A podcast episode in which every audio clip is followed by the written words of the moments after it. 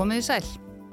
Úreldir stjórnsýsluhættir, lélegt skipulag og gallað fjármögnunarferli er ekki það eina sem hefur verið að hjá innheimtu stofnun sveitarfélaga undan farin ár. Það er búið að reka fólk og ráða nýtt. Fyrverandi stjórnendur eru til rannsóknar hjá héraðsaksóknara vegna grunnsum fjármólamisferli. Það hafi verið gerðar húsleitir og handtökkur. Héraðstómur dæmdi stofnunina í vikunni gróflega brotlega við jafnbreytislög og ríkisendurskoðun finnst mjög margt að og ráðherra segir laungu tímabært að taka þarna til. Þetta er auðvitað bara græðalverlegt og vondmál og því miður eru bara eitt og annað komið í ljós sem var ábútafant í þessu. Og... og hann er reyndar að taka þarna til bara í þessum töluðu. Það er verið að færa verkefni stofnunarinnar eða verkefnið undir ríkið. Og hvaða verkefni er það gæti einhver veld fyrir sér. Innheimtustofnun sveitarfélaga sér nefnilega ekki um að rukka útsvar eða fastegna eða lóða eða fráveitu eða leikskólagjöld. Hún rukkar foreldralandsins oftast feður um meðlög og hefur gert í aldar fjörðung. Ég heiti Sunna Valgerðardóttir og vandræðagangurinn hjá innheimtustofnun sveitarfélaga verður á dagskrá í þetta helst í dag. Vanskil meðlaga hafa aukist verulega eftir að meðlag var hækkað í áspyrju 1993 og rúmlega 7.500 krónum í rúmar 10.000 krónum. Þetta var árið 1996. Meðlagsgreðendur í landin eru rúmlega 10.600 og þeir greiða meðlög með tæplega 17.300 börnum. Nú er ætluninn að gefa þessum körlum, því langt flestir meðlagsgreðendur eru karlar, kost á að semja um skuldir sínar. Og flestar ef ekki allar fréttir þar sem innheimtu stopnun sveitarfélaga bregður fyrir fjölluðu ekki um stopnunina sjálfa heldur meðlögin eða meðlagsgreðendur. Vorið 2006 byrtist þessi frétt í fréttablaðinu. Af rúmlega 12.000 meðlagsgreðendum á Íslandi eru rúmlega 7.100 í vanskilum. 96% þeirra sem eru í vanskilum eru feður. Og forstjóri innheimtustofnuna Sveitarfélaga segir að vel gangi að innheimta og varlega skuli fara í tólkun talna um skuldir. Veturinn 2014 skrifaði Guðbrandur Jónsson grein í morgumbladið. Guðbrandur tillaði sig sem gamlan rannsóknar úlf skattstjórans í Reykjavík og þetta voru hans orð. Gamli rannsóknarúlfurinn sagði meðal annars í greininni að innheimtustofnun sveitarfélaga væri úrelt batteri og all sérkennileg í kerfinu, eiginlega hálf falin leini þjónusta ríkis og sveitarfélaga. Þar er hann að vísa til þess hvernig stofnunin hefur uppi á þeim oftast mönnum sem ekki greiða meðlög og aðferðirnar sem stofnunin notaði við það. Veturinn 2018 var forsíða mokkans til enguð meðlags greiðendum. Innheimtustofnun Sveitarfélaga hefur þurft að afskrifa meðlagskröfur eftir gjaldþrótt einstaklinga upp á tæpan miljard á síðustu fimm árum. Og svo eru miklu, miklu fleiri fréttir í þessum dúr út um allt. En hvernig virkar þetta batteri, innheimtustofnun Sveitarfélaga? Hún hefur alla jafna um 20 manns í vinnu, ímest á höfuborgarsvæðinu eða á Ísafyrði. Reksturinn er sjálfstæður og stofnuninn er ekki á fjárlögum, heldur reyðir hún sig nær alfarið á greita dráttarvexti innheimtu þóknanir og fjárnámskostnað sem er greittur af meðlagsgreiðendum og fyrirtækjum sem að hafa ekki náða að greiða meðlag á réttum tíma. Jöfnunarsjóður hleypur svo undir bakka fyrir það sem upp á vandar.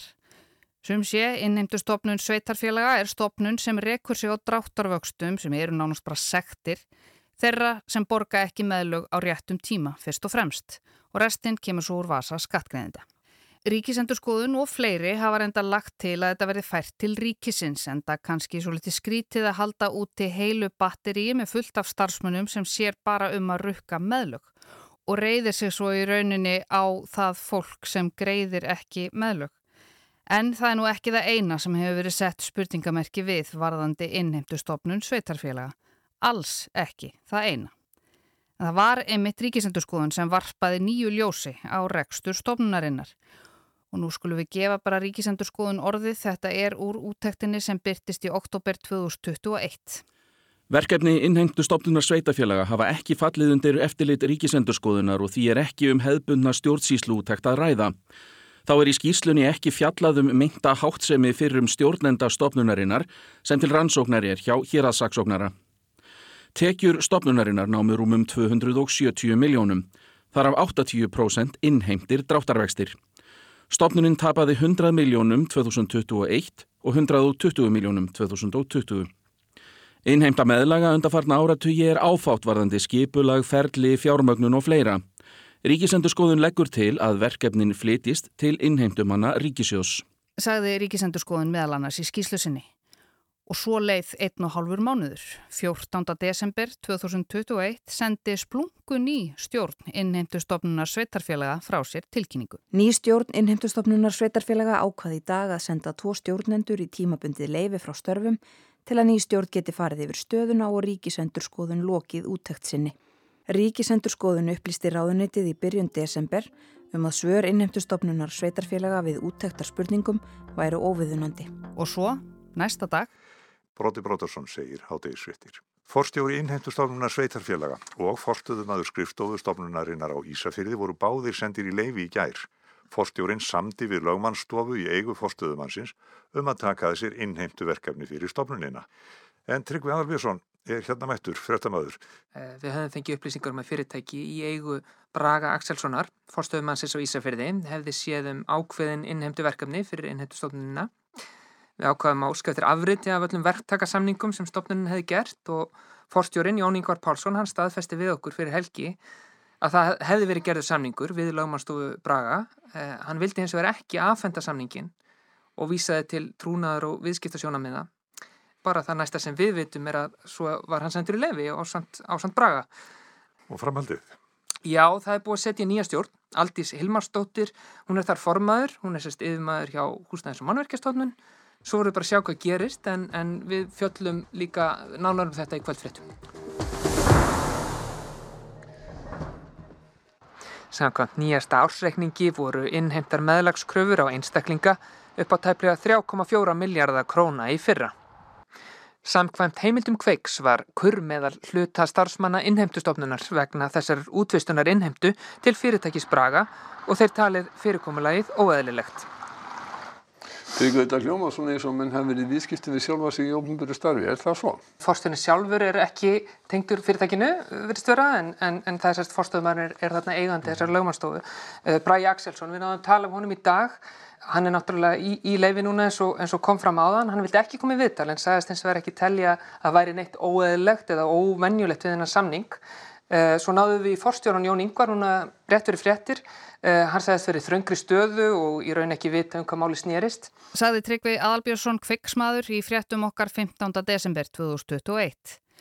En hér aða smiðilinn bærens besta á Ísafyrði hafi heimildir fyrir því að það hafi einmitt verið úttækt ríkisendur skoðunar sem kom upp um misferlið. Það hafi verið litið mjög alvarlegum augum og verið rannsakað til fulls. Og allir fjölmiðlar fóru á fullt, eðlilega. Bæði er þetta auðvitað stórfrétt Og svo var þetta líka þakklátt í miðjum faraldrið þar sem ekkert annað en COVID hafði verið í fréttum. Og svo komu jól með samkomubönnum, jólakúlum og fjörðu, fymtu eða sjöttu bylgu og svo fyrir eiginlega nákvæmlega ári síðan, 7. apríl í fyrra, komu ljós að leifið sem Jón Ingvar Pálsson fyrirrandi forstjóri og Bræi Axelsson voru sendir í hafi verið breytt í brottrækstur. Stjórnstofnarinnar ákvaða rifta samningi stjórnendana vegna alvarlegra brota í starfi og van emda á samningi vegna trúnaðarbrots. Og svo þetta. Hér að saksóknari er í aðgerðum vestur á fjörðum vegna rannsóknar á málum tengdum innhendustofnun sveitafélaga. Tíu lörglumenn og sérfræðingar á vegum embættisins eru við skýslutökur og húsleit og sangkvæmt heimildum Frettastofu hefur Bræi Axelsson, forstuðumadur útibú stopnunarinnar á Ísafyrði, verið handtikinn. Ólafur Þór Haugsson, hér að saksóknari, staðfesti í samtali við Frettastofu að ennbætti væri í aðgerðum en vildi öðruleiti ekki tjá sig. Að minnstakosti þrýr voru handteknir í þessum aðgerðum meðal annars Jón Ingvar fyrirrandi forstjóri sem var þá stattur heima hjá sér á höfuborgarsvæðinu og enn fleiri fengur réttarstöðu sakbortnings. Það farið í húsleit og hér að saksóknari saði þarna að rannsóknin væri umfangsmikil.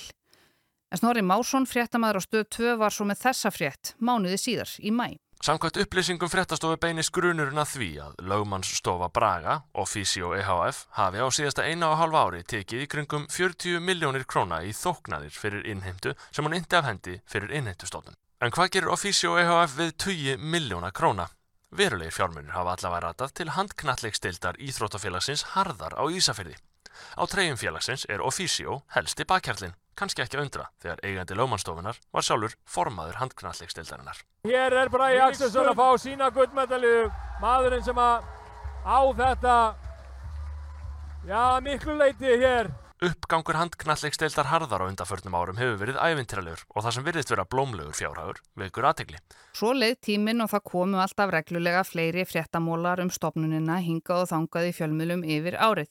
Það kom til dæmis í ljósa ríkisendurskoðun taldi þá Jón Yngvar og Braga hafa reynd að leina upplýsingum og gögnum um rekstur stopnunarinnar og afvegaleiða starfsmenn ríkisendurskoðunar við vinnu sína á úttektinni.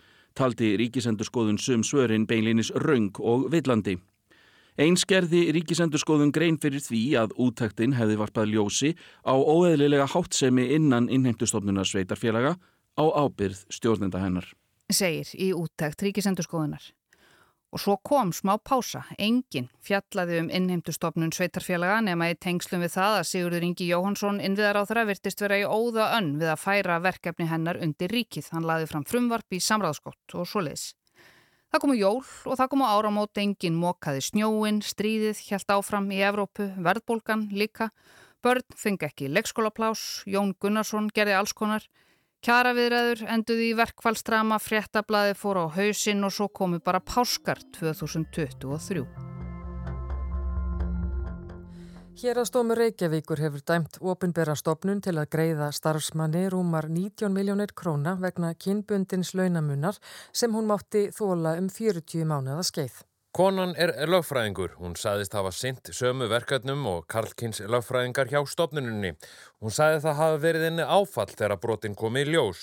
Þau hafi verið sérlega íþengjandi fyrir hana, bakað henni andlegt tjón og rýrt starfseður hennar. Launamunurinn hafi ekki verið leiðréttur og henni hafi verið nauður kostur að höfða dómsmál til að ná fram rétti sínum. Hérastómur segir óumdeilt að verulegur munur hafi verið á launum konunar og tiltekins lögfræðings hjá stopnuninni. Á um 40 mánada tímabili hafi munurinn verið næstum hálf miljónað meðaltali á mánuði og maðurinn hlotið 78% hæri greiðslur en konan. Dómurinn segir að þáverandi stjórnendum hafi hlotið að vera ljóst að í því fælist veruleg mismunun. Brotin hafi því verið framinn af ásettur ráði eða vannrækslu.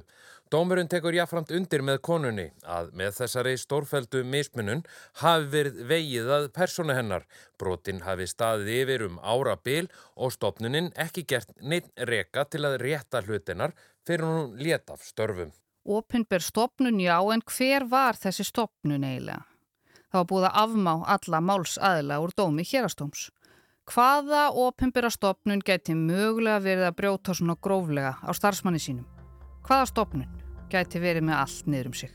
Innheimtustofnun Sveitarfélaga er ofinbera stofnuninn sem dæmt var til að greiða konu 19 miljónir króna fyrir að hafa brotið í aðbréttist lög með stórfældum kynbundnum launamun.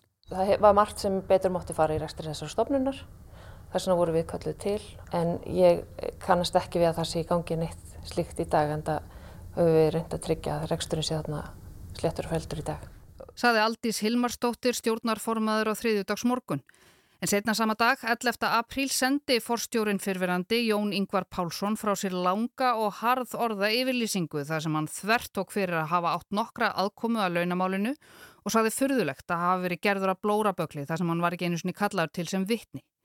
Hann gaggrínir sömuleiðis núverandi stjórn innheimtustofnunar og framsóknarflokkin sem innviðar á þeirra veitir fórustu. Hann segir líka að séu margar minnlegar villur, ránkvarslur og pínlegar yfirlýsingar í úttækt ríkisendurskoðunar og að hann hafi ekki fengið viðbröð frá stjórnskipunar og eftirlitsnefnd þrátt fyrir ítrekkaðar tilraunir. Forstjórin fyrirvenandi, hann hefur líka sendt inn kvörtun til personuvendar á þeim forsendum að starfsmenn innhendustofnunar hafi flett sér og fleirum upp með ólögumætum hætti í gagnakerum skattsins og Jón Yngvar segir nýja stjórn hafa tekið sér ómældar miljónir í þóknanir og það sé þakkað niður. Þá sé tímasetning dómspyrtingar hérastóms um páskana engin tilviljun heldur til þess gerða að koma höggi á sig. Dómur var hveðin upp í mars en fyrst nú í april byrtur með tilherrendi flugveldasýningu á sama tíma og ég hef stemt stjórn innhendustofnunar sveitafélaga fyrir dóm til þess að sækja bætur sem mér ber úr hendi þeirra vegna brota þeirra á starfsréttendum mínum. Ég starfaði hjá stopnuninni og stýrði yfir tvo áratvíi með einstökum árangri.